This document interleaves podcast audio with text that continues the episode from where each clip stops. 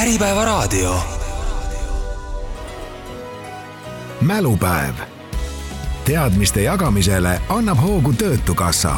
mälumängu särava auhinna paneb välja Eesti suurim juveeli- ja kellakaupluste kett Gold Time, kinkides võitjale kahe tuhande euro väärtuses krediiti oma kauplustes. Gold Time on sinu aeg särada. mis meile meeldib, kas meile meeldib? Kui kunagine menubänd Must Kuu jätkas siit oma loos Karm Liin küsimustega kiirete autode, kenade beibede, raha ja tüüne olemise kohta, siis jätame hetkeks need kõrvale ning loodame, et mälumäng on see, mis meeldib meie tänastele külalistele ning ka kuulajatele. alustab Mälupäev taas on meil stuudios kaks võistkonda, kes asuvad vastama kümnele mälumängu küsimusele, et sel moel saate lõpuks võitja välja selgitada. Esimeseks tiimiks on Sõun, koosseisus suurkliendi spetsialist Sten Nurmete tere, mina olen Sten. ja tarkvaraarendaja Arne Meier. tere, kuidas Sõunis mälumänguga lood on, kas äh, ka teil on mõned firmasisesed mängud või milline on teie kokkupuude mälumänguga? me mängu, maja sees ei tee otseselt mingeid mänge, aga me käime siin niisuguste mõne kolleegiga käime erinevatel harrastajate mälumängudel siin äh, ja, ja kus täpselt teid siis kohata võib? No me oleme käinud siin äh, Raplas meie pubi mälumängul, siis me oleme käinud äh, ka Jüri mälumängul, mitte küll väga edukalt, et siin vastasmeeskonda mitte hirmutada, aga ja Arne käib siis vahel asendusliikmena käin Mustas puudlis spordimälumängul, kus on taaskord väga head küsijad alati, nagu ka siin täna. väga tore. faktid on paigas. Nende vastu astub TalTechi esindus tudengid Raul Palk jah, tervist. ja Mihkel Vaher. Äh, tere. Minuni on jõudnud info, et te olete suisa mingi, mingil moel meistrid mälumängus, rääkige lähemalt. juhtus jah, korra niimoodi. et siin eelmisel sügisel tehti, tehti sellised üliõpilasmeistrivõistlusi, et me olime siis pool tiimi, et meie neljane võistkond üliõpilasarvestuses suutis, suutis tõesti võita seekord. väga, väga kõva. nüüd, kui mängijad on juba tuttavad, siis käime üle kiirelt ka meie mängu põhitõed. Vastajatele on ette valmistatud kümme küsimust ja mängu lõpuks võida, võidab enim punkte kogunud tiim. esimesed kaheksa küsimust annavad õige vastuse eest maksimaalselt kaks punkti, kuid soovi korral on võimalik paluda ka vihjet, kuid siis jääb mängu vaid üks Nende küsimustega on vastajate vale vastuse korral ka teisel tiimil võimalus pakkuda ja punkt või punktid endale napsata.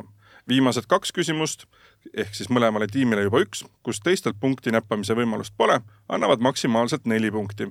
Nendest küsimustest aga täpsemalt juba siis, kui mängu lõpus nendeni jõuame. kui mängu lõpuks jääb skoor viiki, siis selgitab võitja viigi lahutaja küsimus tänase mängu võitjast saab kolmas poolfinalist, kus sees ootamas juba lennuliiklusteeninduse AS ja Oiksio.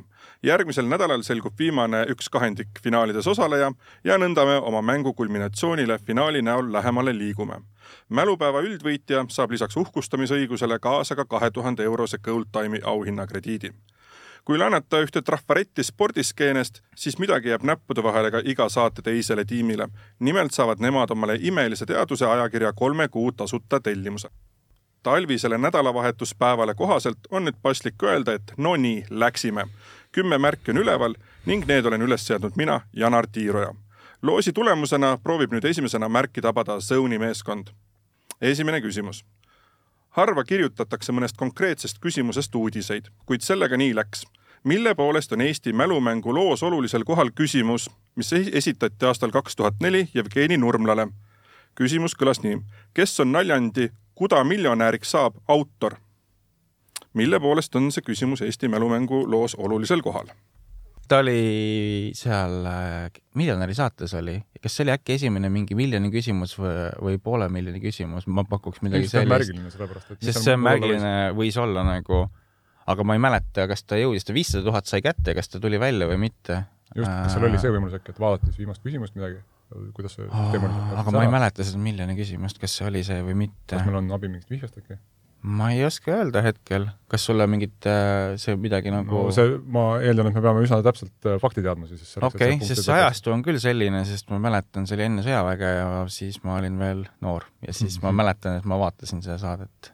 seal oli, mäletan ma viiesaja tuhande küsimust teadsin sellepärast, et sealt küsiti, et äh, mis asi on muldonn ja see oli Adobe nagu ja ma mängisin kunagi Heroes of Might and Magic kahte ja seal oli Adobe'is sai ogresid teha, et ma teadsin selle pärast nagu aga okei okay,, ma ei tea, kas meil on vihjet vaja või mitte.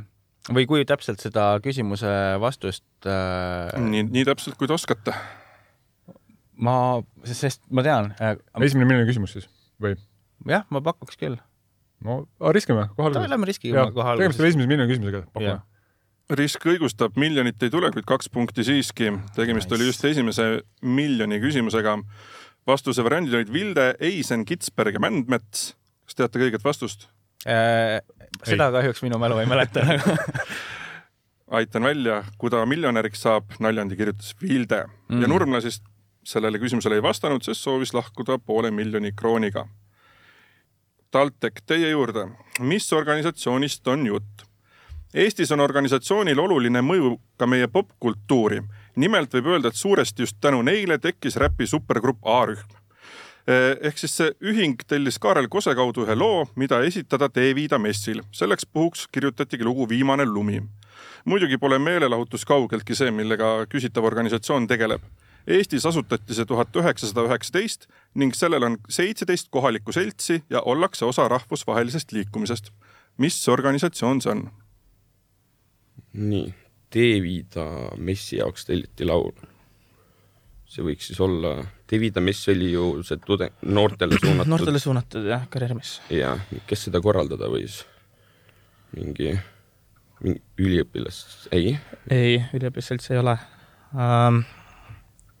kas ei olegi mingi oma algatatud, mingi lihtsalt tudengid kokku? ma nii palju ütlen, et eh, need, kes selle loo palusid, et need ei ole Teevida korraldajad, vaid seal erinevad organisatsioonid Aa. said nii-öelda lavaaega ja siis nemad palusid eh, räpparitele ühe loo teha. Lähtuda võiks siis sellest, et seal on nüüd seitseteist siis haru või koda Eestis ja rahvusvaheline organisatsioon. ja ja loodi tuhat üheksasada üheksateist. tuhat üheksasada üheksateist. ta-ta-ta. no aja poolest on see suht vana.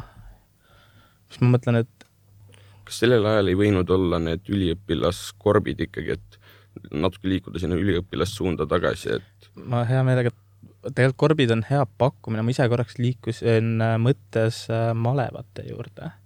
et äh, maleva esimesed otsad said ju sealt alguse maleva aktiivid ja siis oli see üliõpilasmalev just. kas siis ta on üliõpilasmalev või õpilasmalev?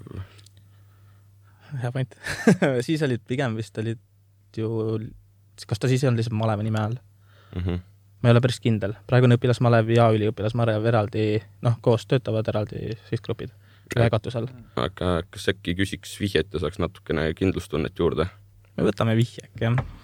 vihje on selline, et eh, selle rahvusvahelise liikumise rajajaks peetakse Jean Hen- Henry Dunanti, sest tema tegevusest tuhande kaheksasaja viiekümne üheksandal aastal Solferino sõjaväljal ja sellest kirjutatud mälestuste raamatust, mis ilmus tuhat kaheksasada kuuskümmend kaks, organisatsiooni loomiseni ka kuuekümne kolmandal aastal siis Genfis jõuti. mm. -hmm. siin tuli nüüd sõjanduse või lahingu teemast, et kas ei või olla mingi kodutütred, noorkotkad Jaa, midagi sinna suunda? veits sihib sinnapoole pigem küll jah mm.. palju neid, neid harusid oli? üheksateist? Seitseteist. Eestis on seitseteist kohalikku seltsi. noh, siis tegelikult paneks jah, mingi, igas maakonnas ja natuke peale. jah, on Tallinnas suuremates linnades mitu. Mis me paneme siis Kaitseliidu nooregrupid või siis lihtsalt lähme spetsiifilisemaks ja noorkotkad, kodutütred. vastame siis noorkotkad. noorkotkad punkti ei too. Sõun, teie võimalus siit punkti kas me, me teame vastust nüüd, kas me peame teesklema arutelu või me ütleme kohe Me Teie, teie valik, rumalad teie valik., jah, okei rumalad mõtted nii palju kohe oli see, et kui rahvusvaheline, eks ju, et äkki on Jaa. yeah. nii-öelda ümarlauaorganisatsioon, eks. just. aga siis äh, õnneks on alati kolleeg, kes teab kõike, siis aga jah, ma mõtlesin juba kohe selles mõttes, et mis see võis olla rahvusvaheline äh, ja ma mõtlesin kohe Punast äh, Risti, aga kui tuli see vihje, ma ei mäleta selle tüübi nime, mul ei ole ta kirjapilt peas, aga ma tean nime järgi, et see vend kunagi tegi, ma korraks kaht- äh,, mäletasin nagu aastat valesti, aga ma mäletasin, et ta tuli millalgi peale esimest maailmasõda või sel ajal nagu, ehk siis Punane Rist peaks olema õige vastus. punane rist on õige vastus ja siit kirjutab äh, Sõun omale tabelisse kolmanda punkti. skoorilt kolm-null, läheme ka kolmanda küsimuse juurde, mis tuleb Sõun teile. Kuuendal detsembril kahe tuhande kahekümne kolmandal aastal saabus rõõmusõnum, et miski, mis oli kaheksa kuud kadunud, leiti ülesse. uudis ehk poleks tähelepanuväärne, kui kadumine ei leidnuks aset ISS kosmosejaamas.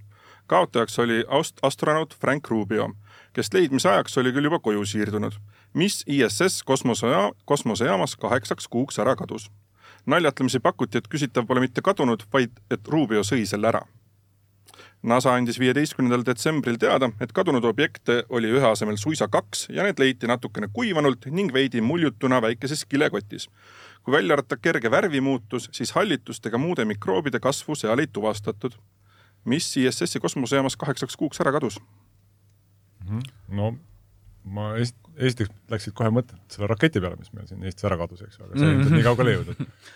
aga noh, kui ta seal kuskil kilekotis oli, siis noh, ja veel mikroobidega tegemist, siis äh, kõrvatropist kuni mingi söögini mm. -hmm. äkki see on ikka söödava materjaliga tegu? pakuks ka, et mingi sööda, mul äh, kolleeg, kes seda kosmosevärki jaga, jagab ja seletab mulle kogu aeg, on kindlasti mul peale pahane, et ma ei tea sellest, ma olen kindlasti rääkinud sellest, aga ma ei mäleta praegult. kas, kas me ma pakuks ka mingi toidu poole, aga ma Kas- hetkel, mul ei ole mingit konkreetset äh, asja peas.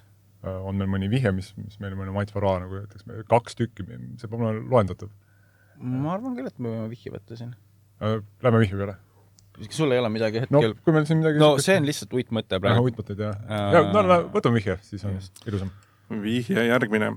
küsitavat kasvatati aero- ja hüdropooniliselt ning need sisaldavad rohkesti pigmenti nimega lükopeen, mis mm. annab neile ka iseloomuliku värvuse ning mille nimi on tuletatud küsitava ladinakeelsest nimest. bioloogiaõpetaja kindlasti äh, oskaks seda öelda. No ma pakuks ikkagist, et see on mingisugune puuvili, aga, aga mis need kaunid meetodid oli veel, mille, mida sa aero- ja hüdropooniliselt ehk siis äh, neil ei olnud seal muld ega midagi sellist, vaid lihtsalt juured olid kas siis otse õhus või vees ja said oma toite ainult sealt. oh, mingi herned või nagu midagi nagu mingi taim, aga ma ei, mul ei tule otseselt niimoodi, ma annan äkki sulle selle äh, taga hetkel kanda ja pakkuda mm -hmm. mingisugune või siis äh, mingi loom, et looma ma ei usu, et keegi sinna hallituse kotti jättis selles mõttes, et nagu sa ei tea, mis ju, hüdropoonilised nagu- krevetid ISS-i pardal no hüdropooniline ju alati viitab, viitab mingile taimele ehk siis mingile kasv-, mingi asi kasvas seal, aga kuidas see ära kadus, see, see on ka raudselt mingi lugu nagu, aga ma ei mäleta seda absoluutselt hetkel. ja ka nüüd pigmendi kohta oli see, et mingi spetsiifiline pigment oli, et mis, mis, mis taim on spetsiifiliselt äh, värv, värv, eks ju, mingi et äh, no see peab olema järelikult mingisugune pigment, mis on mingi kindel värv. musta värvi uba. jah või siis noh, ma pakukski a la õun, punane, mingi hüd- hüdropoonilise õun, hüdropooniline õun ei elaks kilekotis üksinda üle seda, vaata juurtest tal ei ole miskit võtta seal. aa, tõsi. et see peab olema keegi, kes need juured alla jääb, a la kartul, eks ju, kes saab oma, aga see väsib jälle ära, eks ju. ma ei usu, et äh, söör võttis kahte kartulit äh, avakosmosesse. Hmm. On, meil, kus meil see liivakell tiksub siin on mingit kellaga tiksumas kuskile? ei arvuta korraga. okei okay,, no võime kui- pakkuda veel, mis milliseid neid äh, taimi või nagu köögivilju me teame nagu, aga, aga mingi hetk peaks jõudma mingisuguse vastuseni. võib-olla me oleme hoopis täiesti vale tee peal ka, et äh, aga et äkki Aga- on mingisugune sein aga- üldse või nagu kui mingi kauni, kaunist värvi vili, eks, mida sa kaks tükki endale kaasa võtad, mis see, mis see nagu olla võiks? ma nii palju veel võin vihjata, et ta ei võtnud neid kaasa, need kasvatati sealsamas ISS-is. Ahah, okei, see oli okei, siis kohapeal tehtud, jah. Okei, no no, see on see- või aga mi- mida sa kosmoses tahaks kasvatada, ütleme niipidi? ja mida saaks üldse? no selles mõttes, et kõike, äh, kõik asi, mis üles viiakse, maksab selles mõttes. noh, no aga ongi mingit uba või hernest on väga hea aidata nagu. just, ma ei tea, ma paneks hernes lihtsalt. paneme hernes, Hernes. jääb hernes. Hernes ei ole see mm.. nii, TalTech. jah, ma küsiks võib-olla alguses kohe üle, et saaks natukene kindlustunnet juurde, et mis, mis see deformatsioon oli, mis temaga juhtus, et ta tõmbas krimpsu ja Äh, ainult kerge muutus välimuses, need leiti natukene kuivanult ja veidi muljutuna väikeses kilekotis ja kerge värvi muutus, ei hallitust ega muid mikroobide kasvu seal ei olnud. selles mõttes ma arvan, et äh, siin soonist oli õigel teel, et see on mingi vili, peab olema puuvili. söödav söödav puuvili. vili, mingi asi, mida saab kasvatada lihtsalt. aga ta peaks olema siis midagi sellist, mis nagu ei vaja liiga palju, palju jõudu kasvamiseks, et kui ta seal kosmosejaamas seda jah, või siis ka, et nagu midagi, mis noh, oleks, ma sellest vihjest loen välja, et ta on ka mitte kõige nagu kuivem asi, kui ta muutus selle ajaga veel kuivemaks. nagu noh, uba on kuiv, seda kuivemaks teha on raske. jah, et äh, mis meil, mis meil puuviljad on, mida meil kuivatatakse näiteks, et noh, mingi aprikoosid, asjad, eks ole, aga noh, ma siin ma ise mõtlesin millegipärast alguses, kui ma seda küsimust kuulsin, et nagu oleks kuskilt kuulnud viinamari. aga ma ei ole kindel, ma, ma, ma ei tea, miks see seos mul peas tekkis, ma, ma ei tea, kas ma olen kuulnud seda unes näinud, mis iganes, aga mul tekkis millegipärast mälestus, ma oleks kuulnud midagi, et kaotati ära viinamarjad.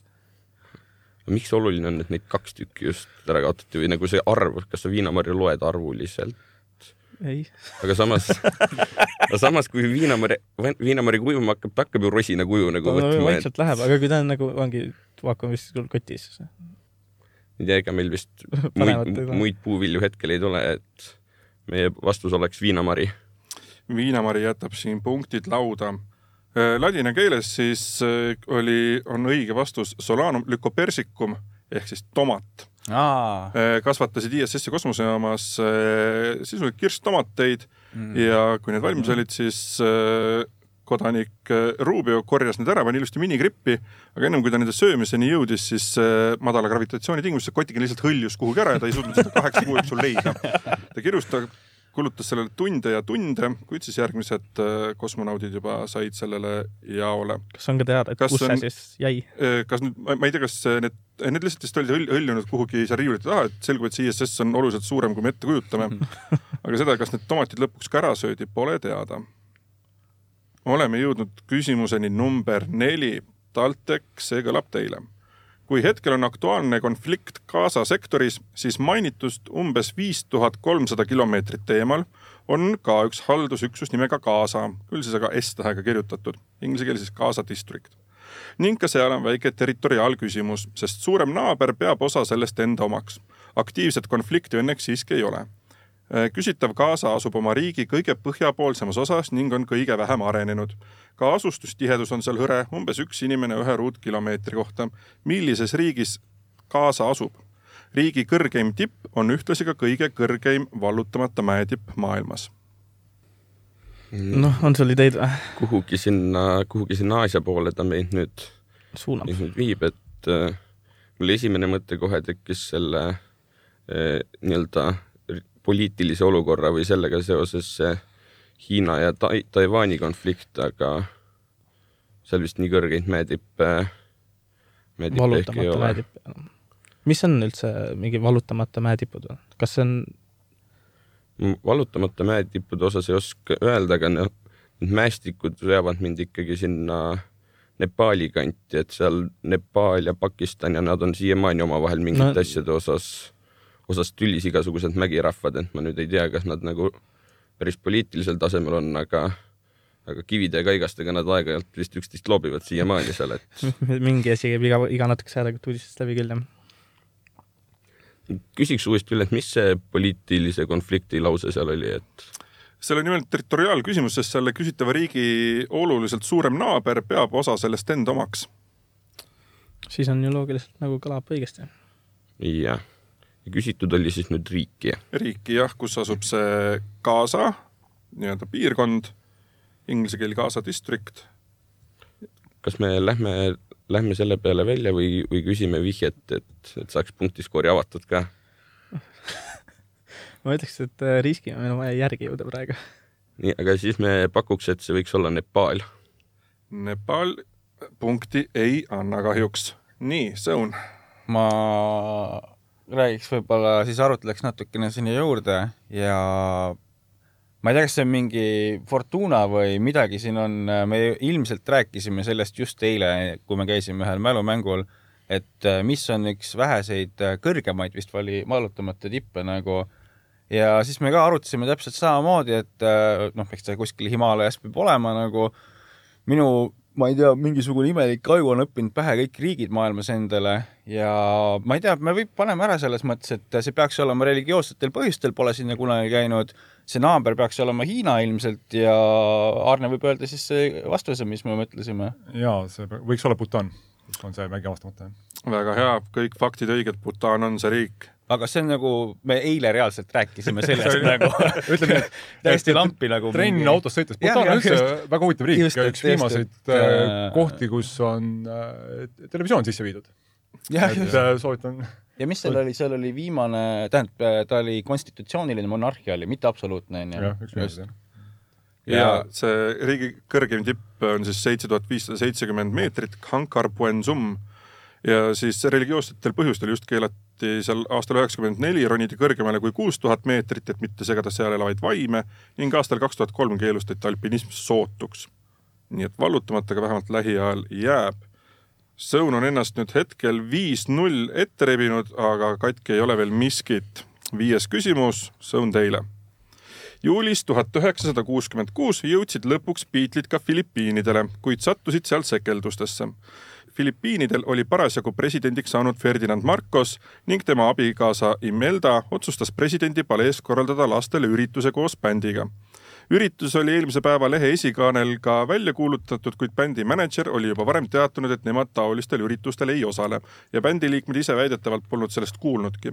skandaal oli suur, sest The Beatles pidi sisuliselt riigist põgenema, saades sealjuures ka füüsiliste rünnakute osa, osaliseks, ilma jäid nad oma kontserditulust ning äh, mille järel siis meedias sai sõna ka tollal üheksa-aastane Ferdinand Marcos, kes on siis tollase presidendi poeg, hüüdnimega Pong Pong, kes siis praeguseks on Filipiinide president, kes andis teada, et ta tahab äh, The Beatlesiga midagi teha. selleks oli siis see, et ta tahab nende peal hüpata ja veel ühte asja teha, mis Beatlesite imidžiga seotud. mida üheksa-aastane Pong Pong veel Beatlesitega teha lubas, sest nad ei tulnud presidendi paleesse kontserti andma okei okay.. nii huvitav fakti ei ole kuulnud. see on nagu ah, hea teada. no mida lapsed teavad, hüppavad see, mis ta teha soovis, on siis seotud tugevalt jah, Beatlesite imidžiga. mm. -hmm. Beatlesite imidž. no kui me mõtleme mingit äh, teatud äh, neid äh, tolle perioodi imidžit ja teatud äh, ainete tarvitamist, ma arvan, et üheksa-aastane päris mingi hüpata ja midagi seal äh, tarbida ei tahtnud, aga nagu mis see, mis see veel nagu on, ma ei, pean tunnistama, et ma ei ole Beatleid kunagi nii süvitsi kuulanud, et äh, Beatlesil oli suhteliselt pigem selline mitte väga rebelit, rebelilik äh, im- imago. aga samas mingil määral ka oli ju. ma ja, mõtlengi, et noh, mis nagu kontekstis aga kui, no kehastame ennast muidugi siis äh, nooreks printsiks. Just. mõtle, mis No sa tahad, kui sul oleks. Beatlesid, ma tahan hüpata ja ma tahan, jah, kui sa vaatad Beatlesid, siis mis sa nendega ette võtaksid? ma tahaks neid juukseid ära lõigata natuke. seda küll. ja Beatlesid ei tea sellest, aga see, see on võib-olla minu isiklik vendeta. et äh, kas peab äh, kirjeldama siin äh, ei, ei, kuulajale? ei pea, ei pea, tänan, tänan, tänan.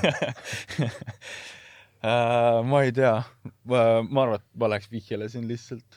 vihjele? või sa arvad? ei, see ei ole üldse halb pakkumine, ma arvan, aga kuulan vihjet hea meelega, jah. vihje kõlab nii, seda on karistusena kasutatud mitmel pool maailmas, kuid ise tehes see kindlasti karistus ei ole. Äh, ma ütleks, et see eelmine täitsa klapib sel juhul. paneme siis mingi siis meil jääb ainult jah, soengut muuta, siis iseasi ja siis ilmselt hüpata ja juukseid lõigata Jah..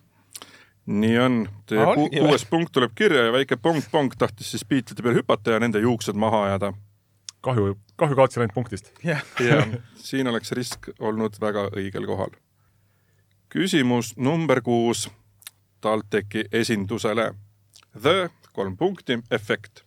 just selle nimega kutsutakse fenomeni, kus naiste hulk reaalaladel tõusis märgatavalt peale küsitava ilmumist seda tegelaskuju nähakse kui positiivset eeskuju naisest, kes on end kehtestanud alal, kus naised on alaesindatud ning küsitav õõnestab traditsioonilisi soorolle, kasutades oma kogni-, kognitiivseid ja erialaseid oskusi füüsiliste eelduste asemel.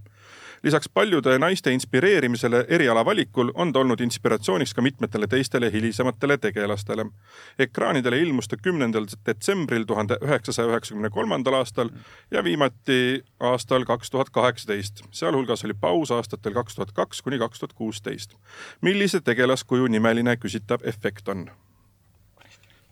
no esimesena mõte läks sinna, et kes need naiste iidolid nii-öelda on, kelle järgi on kuulda, et tahetakse olla ja, ja pürgida.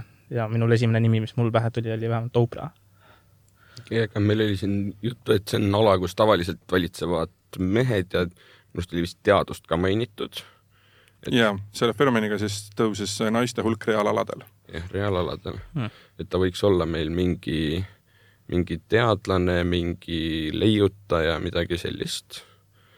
Ja ta peab siis olema tegelaskuju, mis toodi siin kahe, kaks tuhat kuusteist tagasi. ja tehti selline nii-öelda ma ei tea, reunion või mingi selline mm..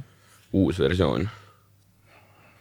et hetkel nagu pähe midagi, midagi kedagi sellist ei hüppa, et kes kes see olla võiks, et muidu reaalalad viisid mind sinna Big Bang Theory suunas, aga see oli natukene, natukene hilisem ma ei oska sul midagi siin nagu vastu ka panna selle koha pealt.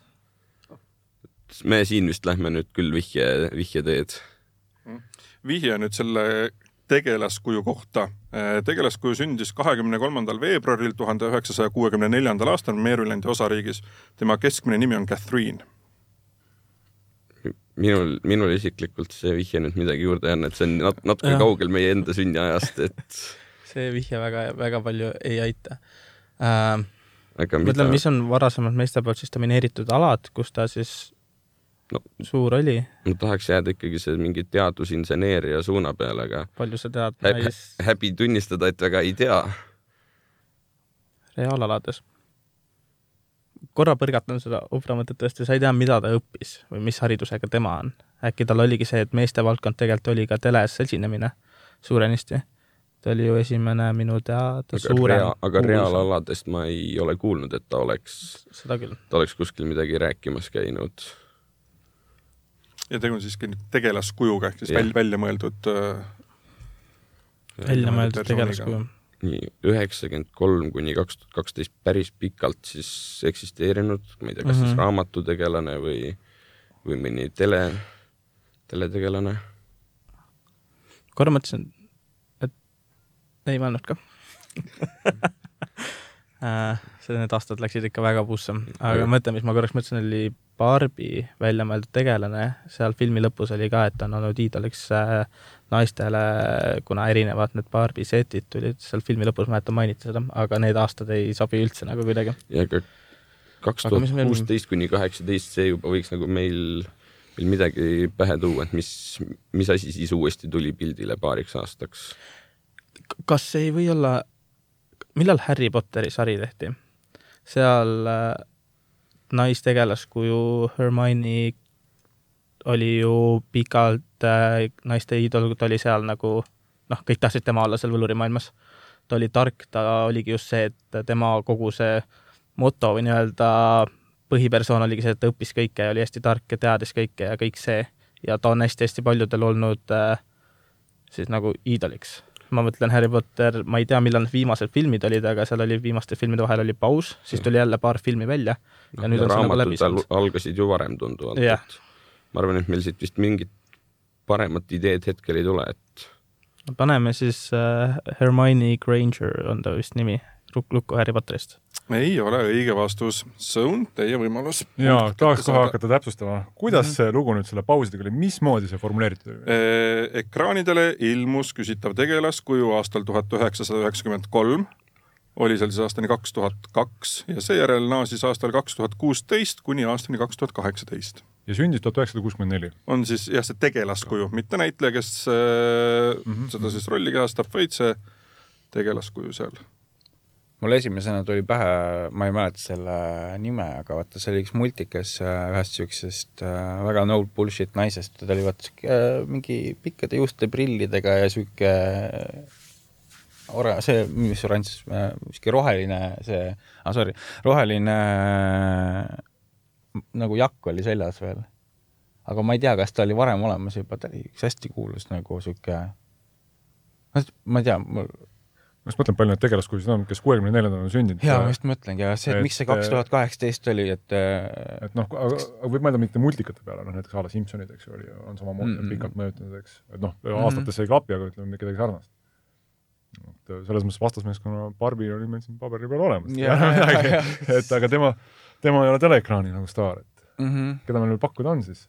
mm, D.D. Dexter Slabist vaevalt ka tüdrukuid Mm-mm. inspireeris, eks ju, et äh, kes ennem siin mingit Big Bang Theory't äh, mainis, vaata see, ma ei tea neid tegelase kujusid niimoodi, aga see, see hästi tark naine, kes äh,, kes, kellel on päriselt ka mingisugune see doktorikraad seal. neid on palju. aga kas ta ei mänginud äh, seal enne midagi? ta ju enne Big Bang Theory't ei ole seal ma ei kahjuks ei tea, ei oska isegi ümber lükata. ma peaks ütlema, et äh, piinlik on, aga ei tea vist. no võime pakkuda midagi suvalist, mõtleme mingi kuuskümmend neli. Barbit ei pakutud, onju. me võime suvaliselt pakkuda seda, kui äkki, äkki, äkki läheb nagu täppi, aga ma ei usu, et läheb, aga no pakume ikka. ma panen Barbi. Teil on õigus, Barbi ei lähe täppi naine, kelle keskmine nimi oli siis Catherine, tema eesnimi oli Dana ja perekonnanimi Scully.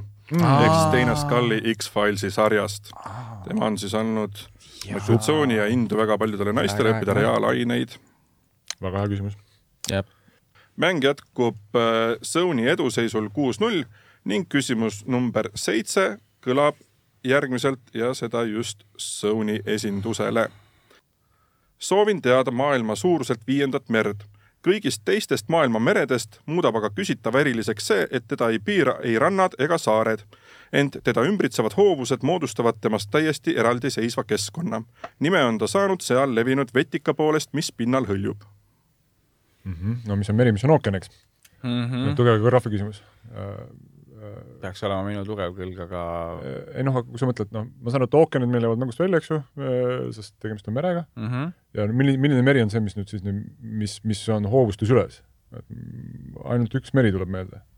aga see on siis, ma ei tea, Sargasso meri, mis, mis on siis, kus, kus meil need aa jaa, aga ma olen kuulnud kui angered kuidagi, nad angered käivad seal, seal seda ma tean, jaa. et aga see minu meelest peaks olema sama, just nimelt see, kus on nii vetikad kui on jaa, aga see Sargasso äh, nagu mingid kõdistab kuskil siin taga midagi vetikaidega mm -hmm. seonduvat ka. ja samamoodi see oleks ka hobustega nii-öelda vist vastaks tõele, et ma ei tea, riskime no,. või läheb, või läheb paremaks? aga kas sa mäletad seda, et kui nad lähevad sinna kudema selles mõttes, et mis, mis see oli, et seal ei ole saari ega oh, hobustega piiratud oli? jah, ta on hoovustega piiratud, et sellel merel ei ole ei randu ega saari, mis teda piiraksid Mhm. Aga selles mõttes, et siis ta on nagu seal hoovustega piiratud, aga seal, mis tal seal ümber oli nagu? no ümber võib ju ookean olla, eks. aga ta kuskil peab ju rannik olema, pigem nad ei lähe ju kuskilt merd, merd kudema nagu, see peab olema mingi ranniku lähedal. aga see Sargasso, ma ei tea, riskime. no või, või tahame vihjet? mina võin riskida ka see. no riskime, meil on praegu on siin Fortuna lahke olnud. just. et proovime risk õigustab ennast, tegemist on siis ka viimasel ajal meediasse jõudnud Sargasso merega just seoses angerjate ja Keskkonnaameti tegevusega. järgmised kaks punkti siit Sonyle kirja ja kokku kaheksa. TalTechil on veel skoor avamata, kuid neil on see võimalus järgmise küsimusega. küsimus number kaheksa. kaks tuhat kuusteist tegi režissöör Charlie Shackleton ühe eksperimentaalse protestifilmi, mis kestab kokku kuussada seitse minutit. filmi eelarve oli ligi kuus tuhat naela, selle kogus ta kokku Kickstarteris film oli protestiks väidetava tsensuuri vastu UK filminduses. idee oli siis, et vastav ametkond peab vaatama kümme tundi pigem kurnavat filmi, et anda sellele vanusepiirangu hinnang. ametnikud pidid filmi vaatamise selle pikkuse tõttu jaotama kahe päeva peale. filmi nime kahjuks öelda ei saa, sest see kirjeldab täpselt ka filmi süžeed. IMDB ehk siis filmide hindamise keskkond annab seal kasutajate poolt selle filmi reitinguks üheksa koma kaks kümnest film linastus viimaks alles aastal kaks tuhat kakskümmend kolm Austraalias. millest film oli või mis on selle filmi pealkiri? Kü kümme tundi midagi vaadata, ma arvan, et vahet ei ole, mis see süžee on, see on üsna piinarikas vist nii öelda küll. see, ta ametnikele oli mõeldud, kes siis pidid seda vaatama üle kahe tööpäeva. kas saaks korra korrata seda küsimuse algust, kuidas ta algas? jaa, et eh, kaks tuhat kuusteist tegi siis režissöör Charlie mm -hmm. Ühe eksperimentaalse, eksperimentaalse protestifilmi, kestab kokku kuussada seitse minutit. film oli protestiks väidetavat tsensuuri vastu UK filminduses ja idee oli, et siis vastav ametkond peab äh, sunniviisiliselt vaatama kümme tundi pigem kurnavat filmi, et anda sellele vanusepiirangu hinnang äh,. ma nagu oleks midagi kuulnud, aga ma, ma, ma millegipärast tean mingit fakti, et äh, Youtube'il on poliitika, et kui keegi repordib mingit videot äh,, või mingit äh, videot, siis peavad Youtube'i töötajad selle läbi vaatama, et näha ära, kas see nagu report on tõene äh,. seda, vahepeal tehti sellega nii-öelda nalja või midagi, et äh, erinevad, mis need kümne tunni videod on, mis on igast mingi laulud ja asjad pandud lihtsalt kümme tundi luubi peale, siis kuskile sinna pandi äh,, raporteeriti ära, et seal on kuskil nudity sees mis tähendas seda, et siis töötajad pidid vaatama neid videoid üle kümme tundi, et vaadata, kas seal on seda sees või mitte. ja sellega siis õigustama, et kas see video võis jääda endiselt laivi või mitte. see on lihtsalt äh, nüüd, kui see on mingi ühe kindla autori poolt tehtud, siis see vist ei lähe siia alla, aga lihtsalt näed, väike fun fact aga ma tahaks mõelda selle peale, et noh, ta protesteeris siis tsensuuri vastu mm. -hmm. et ta pidi siis sinna kümne tunni sisse tõenäoliselt mahutama mingi sellise, sellise asja, mis ei läheks nagu sealt vanusepiirangust läbi, noh, see nudity idee on selles mõttes nagu hea, et äh, aga mis, mis see tegevus võiks olla kümme tundi, et mida vaadates see võib vabalt olla lihtsalt must pilt ka kümme tundi, ja aga siis sa ei, sa ei loeks seda päris filmiks, et seda küll. eelarve oli tal kuus tuhat naela, et midagi nad pidid ikkagi tegema. noh, rendid, rendid tehnika, eks ole, aga võin öelda, et suure, suurem osa filmi eelarvest läks lihtsalt mälukaartide ostmiseks, et kuhu see kogu noh, salvestus mahutada. mul millegipärast nagu viskaks pähe, et seal võiks olla keegi magamas.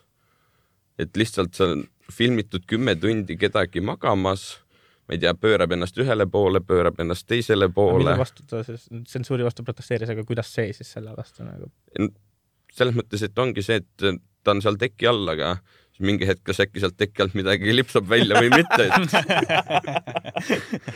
et kas nagu on vaja ta, talle vanusepiirang peale panna või mitte. mul nagu Mõte ühtegi head, head muud mõtet ei teki, aga kas me tahame vihjet? meil on ka võimalus vihje küsida. võtame äkki vihje. ja vihje on selline, et selle filmi taaslavastamine kodustes tingimustes pole liiga keeruline ja süžee on pigem igavamapoolne. ehk siis ma arvan, et lähme sellesama mõttega. Lähme siis selle mõttega, et see süžee oligi siis keegi magamas kümme tundi. äh,. ei olnud. nii, Sõun yeah.. siin oleks hea meel kohe öelda, et ma olen seda filmi näinud. see on nali okei. muidugi, see on muidugi nali, ei ole, ei ole, ei ole. aga ära veel vastust ütle, Ei, ei, siis äh, ma olin oma arutelu arut-, arutelu oli jah, pigem see, et, et selles mõttes vastumeeskonna oli päris äh, lähedal hea, jah, hea käik hakkas nagu minema, mitte et me teaks. just.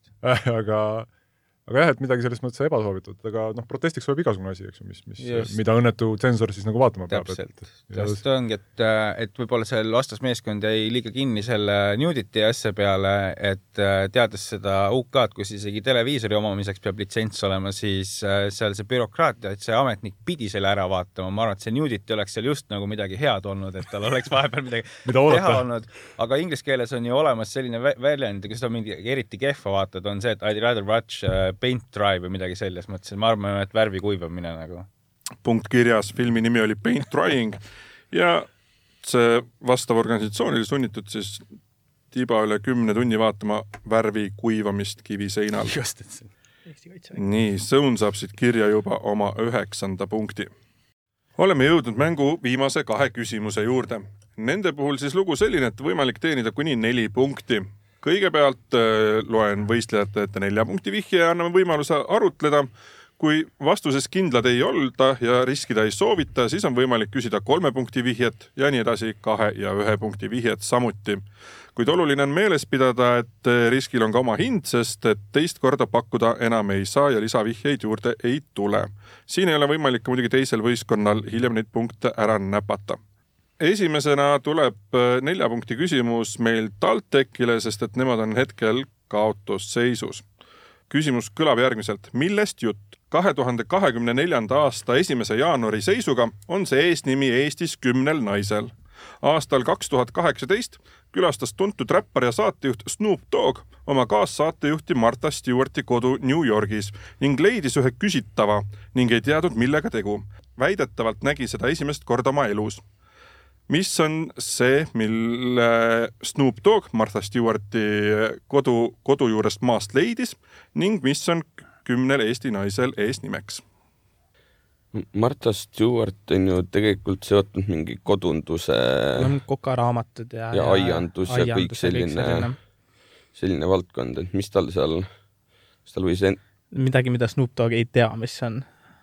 ma arvan, et Snoop Dogg ei tunne paljusid asju, mis võiksid olla kas köögis või, või aianurgas, et et tal on natukene teised huvid olnud enamasti. okei, aga kas see, kas see nagu tõlkes on Eesti naise nimi või?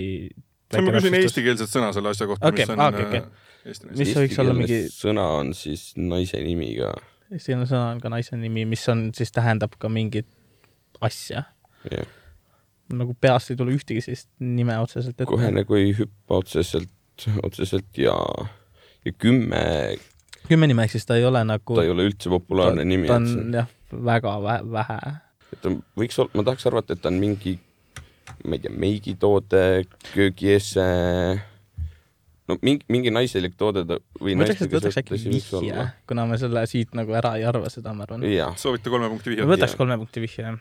see on eesnimeks ühele tuhat üheksasada kakskümmend kaks kuni kaks tuhat neliteist elanud pianistile ja kirjanikule. Siis küsitav on üks näide ka Fibonacci jada levikust väljaspool matemaatikat seda sõna sisaldab ka nääre, mis reguleerib organismi ööpäeva rütmikat ja sünteesib serotoniinist melatoniini. no siin tuli väga palju infot, väga erinevaid valdkondi. aga mul on tunne, et meil on vaja ikkagi ülikoolis natuke edasi veel käia, sest ei no, no Fibonacci, see, ma ei tea, kas seda küll väljaspool matemaatikat kasutatakse, aga see on see sequence, mis on üks, kaks, kolm, siis on viis. see on see, et kaks viimast numbrit lõigad kokku, nii läheb edasi. ma küll ei mäleta, mida ta nagu ütles või andis, aga ta on. mm. -hmm. aga kus, kus see võiks nagu rakendust leida, mille juures? ärme siin peata seda, ma ei tea. oota, mis, mis seal veel vihjed olid?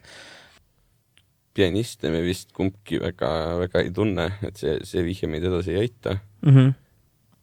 mis, mis on inimese kehas, mis äh, määrab ööpäeva rütmikat? see ei ole, kas melatoniin annab und, aga see kinda, aga on, on sul, on sul kas võib olla inimese nimi melatoniin? ei, aga see peab ikka nääre olema, see on mingi eessõna ja nääre, nii nagu meil on olemas, ma ei tea, eesnääre ja kilpnääre ja. Aga ma Ki-, kilpi võiks ju ometi teada, Snoop Dogg. mul ei ole ideid hetkel. naise nimi endiselt on ka nagu, jah, see, et ta on kümne naise nimi, see nagu ei tähenda, et ta no jaa, aga sa võiks ikkagi nagu loo mingi, anda tunde, et ma, see võiks olla nimi. jah, seda küll.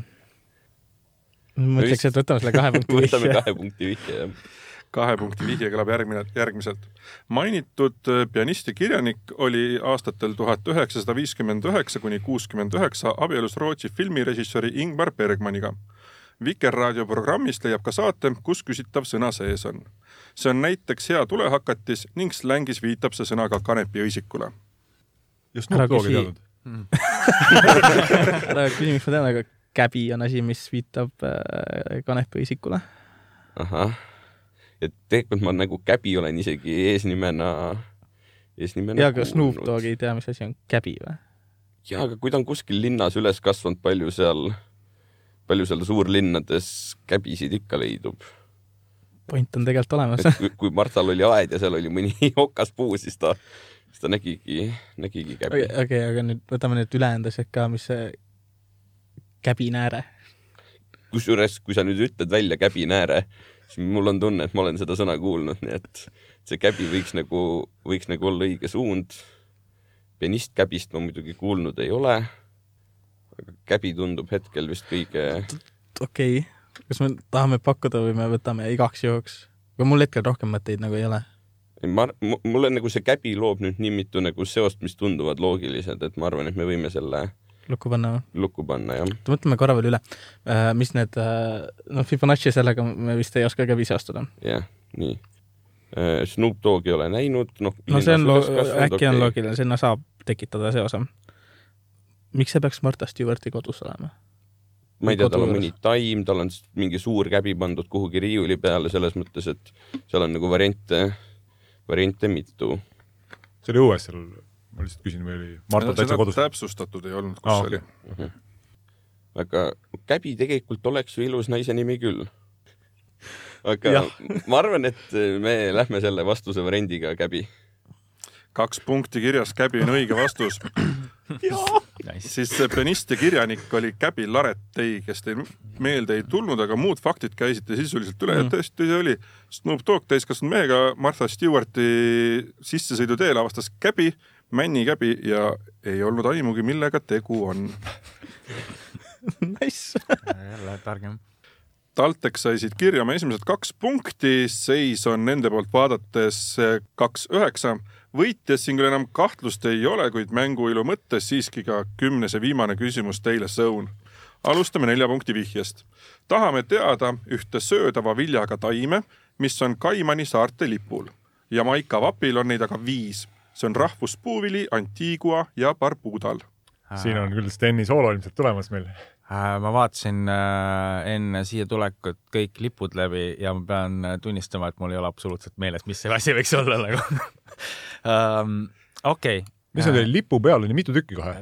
Jamaica vapil lipu on neid ja viis. Jamaica. ja ja Kaimani saarte lipul on. ma teeks kohe nagu väga jõhkra pakkumise, et nad kasvatavad neid Kes need? Vilju. Jamaica, aa jaa, see on täitsa tõenäoline ju see võib tõesti nii olla. oota, mis see teine, mis see kolmas riik oli peal? Antigua ja Barbuda, kus see on rahvuspuuvili. oota, ma vaatasin selle Ja- lippu ka, aga ja kuidas see puuvili nüüd oli, puuvili oli, see oli söödava sisuga?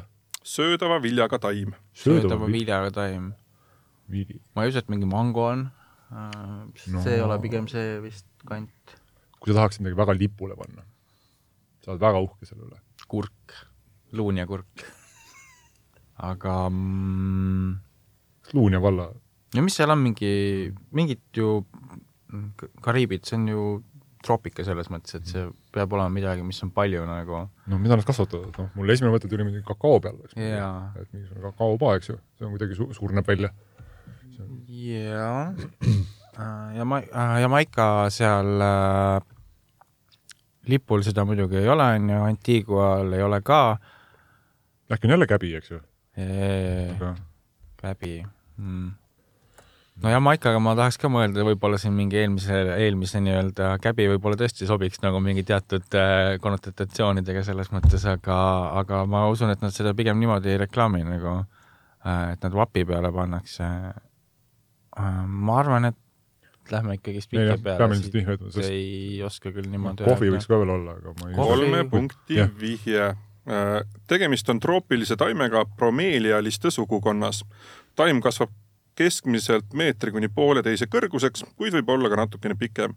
selle vilja moodustavad südamiku ümber koonduvad marjad, moodustades ühise marjakobara. Inglise keel on siis selle termin multifruit.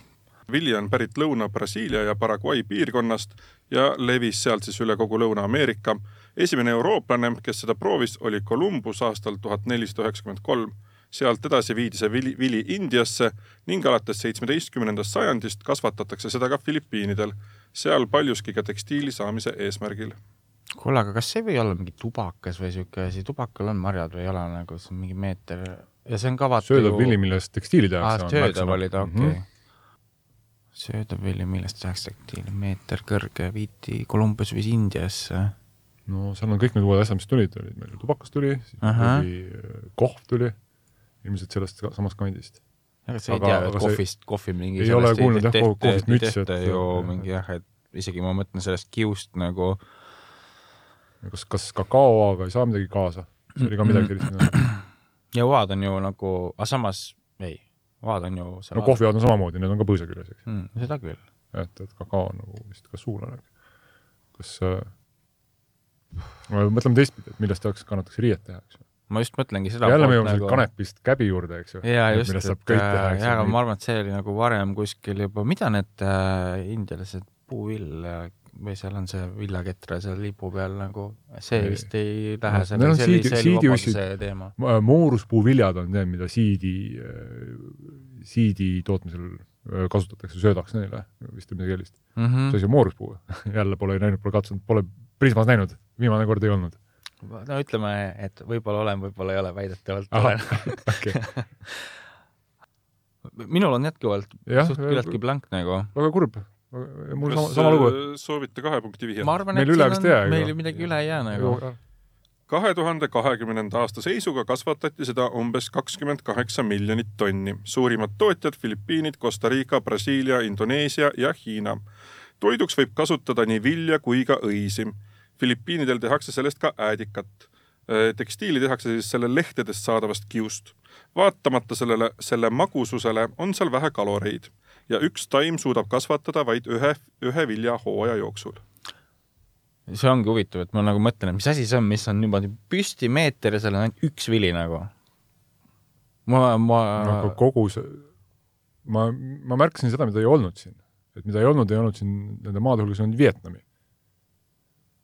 et see, see veel, ei olnud. just, et see välistab kohvi ära automaatselt. just, täpselt Et-. Filipiinidel. See ei ole see haisev durian ei ole ka onju, see ei ole ma ei kujuta ette, ma, väga hea küsimus äh,. või siis mul on juhe täiesti koos praegult. ma nagu üritan mõelda mingit äh, taimi ja asju, aga mul ei tule ühtegi vilja isegi enam meelde, mingit äh,, mis, mis võiks olla, võib-olla ma kujutan täiesti midagi valet asja, et äh, minu taimmeteadmised on kohati nagu äh, ka kesised ja eks ta üks mingi malts ole, aga nagu, aga mis asi on, kas niisugust asja on üldse olemas nagu mingi asi, mis kasvab meeter ja seal on mingi asi otsas lihtsalt nagu kujuta ette, kuidas sa kõnnid seal nagu selle põllu peal lihtsalt ja kõnnid, jooksed läbi ja mingid pallid mm -hmm. peksavad sind niimoodi põhimõtteliselt mm, -hmm. et võib-olla ma olen nagu mingisugune tulnukas, mulle tundub, et kõik te naerate, vaatate, et äh, ei, ma mõtlen nagu heas mõttes, et, et võib-olla teate, mis see on, aga ma ilmselt mõtlen midagi absoluutselt valesti nagu. ma ei tea, mina võin läheks, sulle öelda, et selles suhtes sa oled õigel teel, et see põld umbes selline välja näeb, ainult et äh, ilmselt lehed jääksid sulle jalgu, kui sa seal vahel joosta tahad. ega see mingi mais ei ole või? ei no seda ei ole, seal oleks teised riigid aga see ei ole, jah, see ei ole mm. -hmm. Brasiilia mais nagu ei ole. ja, ja sealt ei ole kasvatavad, aga ma arvan, et vist äh, tuleb öelda see kurb lause, et ma arvan jah, et äh, me läheme veel ühe vihje võrra allapoole. Teil on see luksus tänu varasemale eduseisule. ühe punkti vihje. eriti suurt vastuolu tekitab selle puuvilja kasutamine pitsal. küsitava vilja kujulises mõttes. ikka samamoodi eelmine teema. oota, aga ma, ma võib-olla nüüd jälle küsin, kas anas, ananass on ju kasvab allpool nagu? no tuleb välja, ta tuleb on rohtaim, ta on rohtaim, eks ju, ei, ma ei tea, kas see on nagu kapsas või? ei no see peab olema ananass, me saame ei, ta on valesti ananass aru, aga et nagu me teame, et see on ananass, aga meil on, meil on aga nagu me oleme- sisemised kahtlused nagu selles mõttes, et kuidas, kuidas nagu me jõudsime ja ma ei saa nagu aru. ma pean minema ja vaatama, kuidas ananass reaalselt välja näeb ilma selle, kus, kus ta on looduslikult kasvab nagu. ja punkti saate sellest kirja, et tõesti tegemist on ananassiga.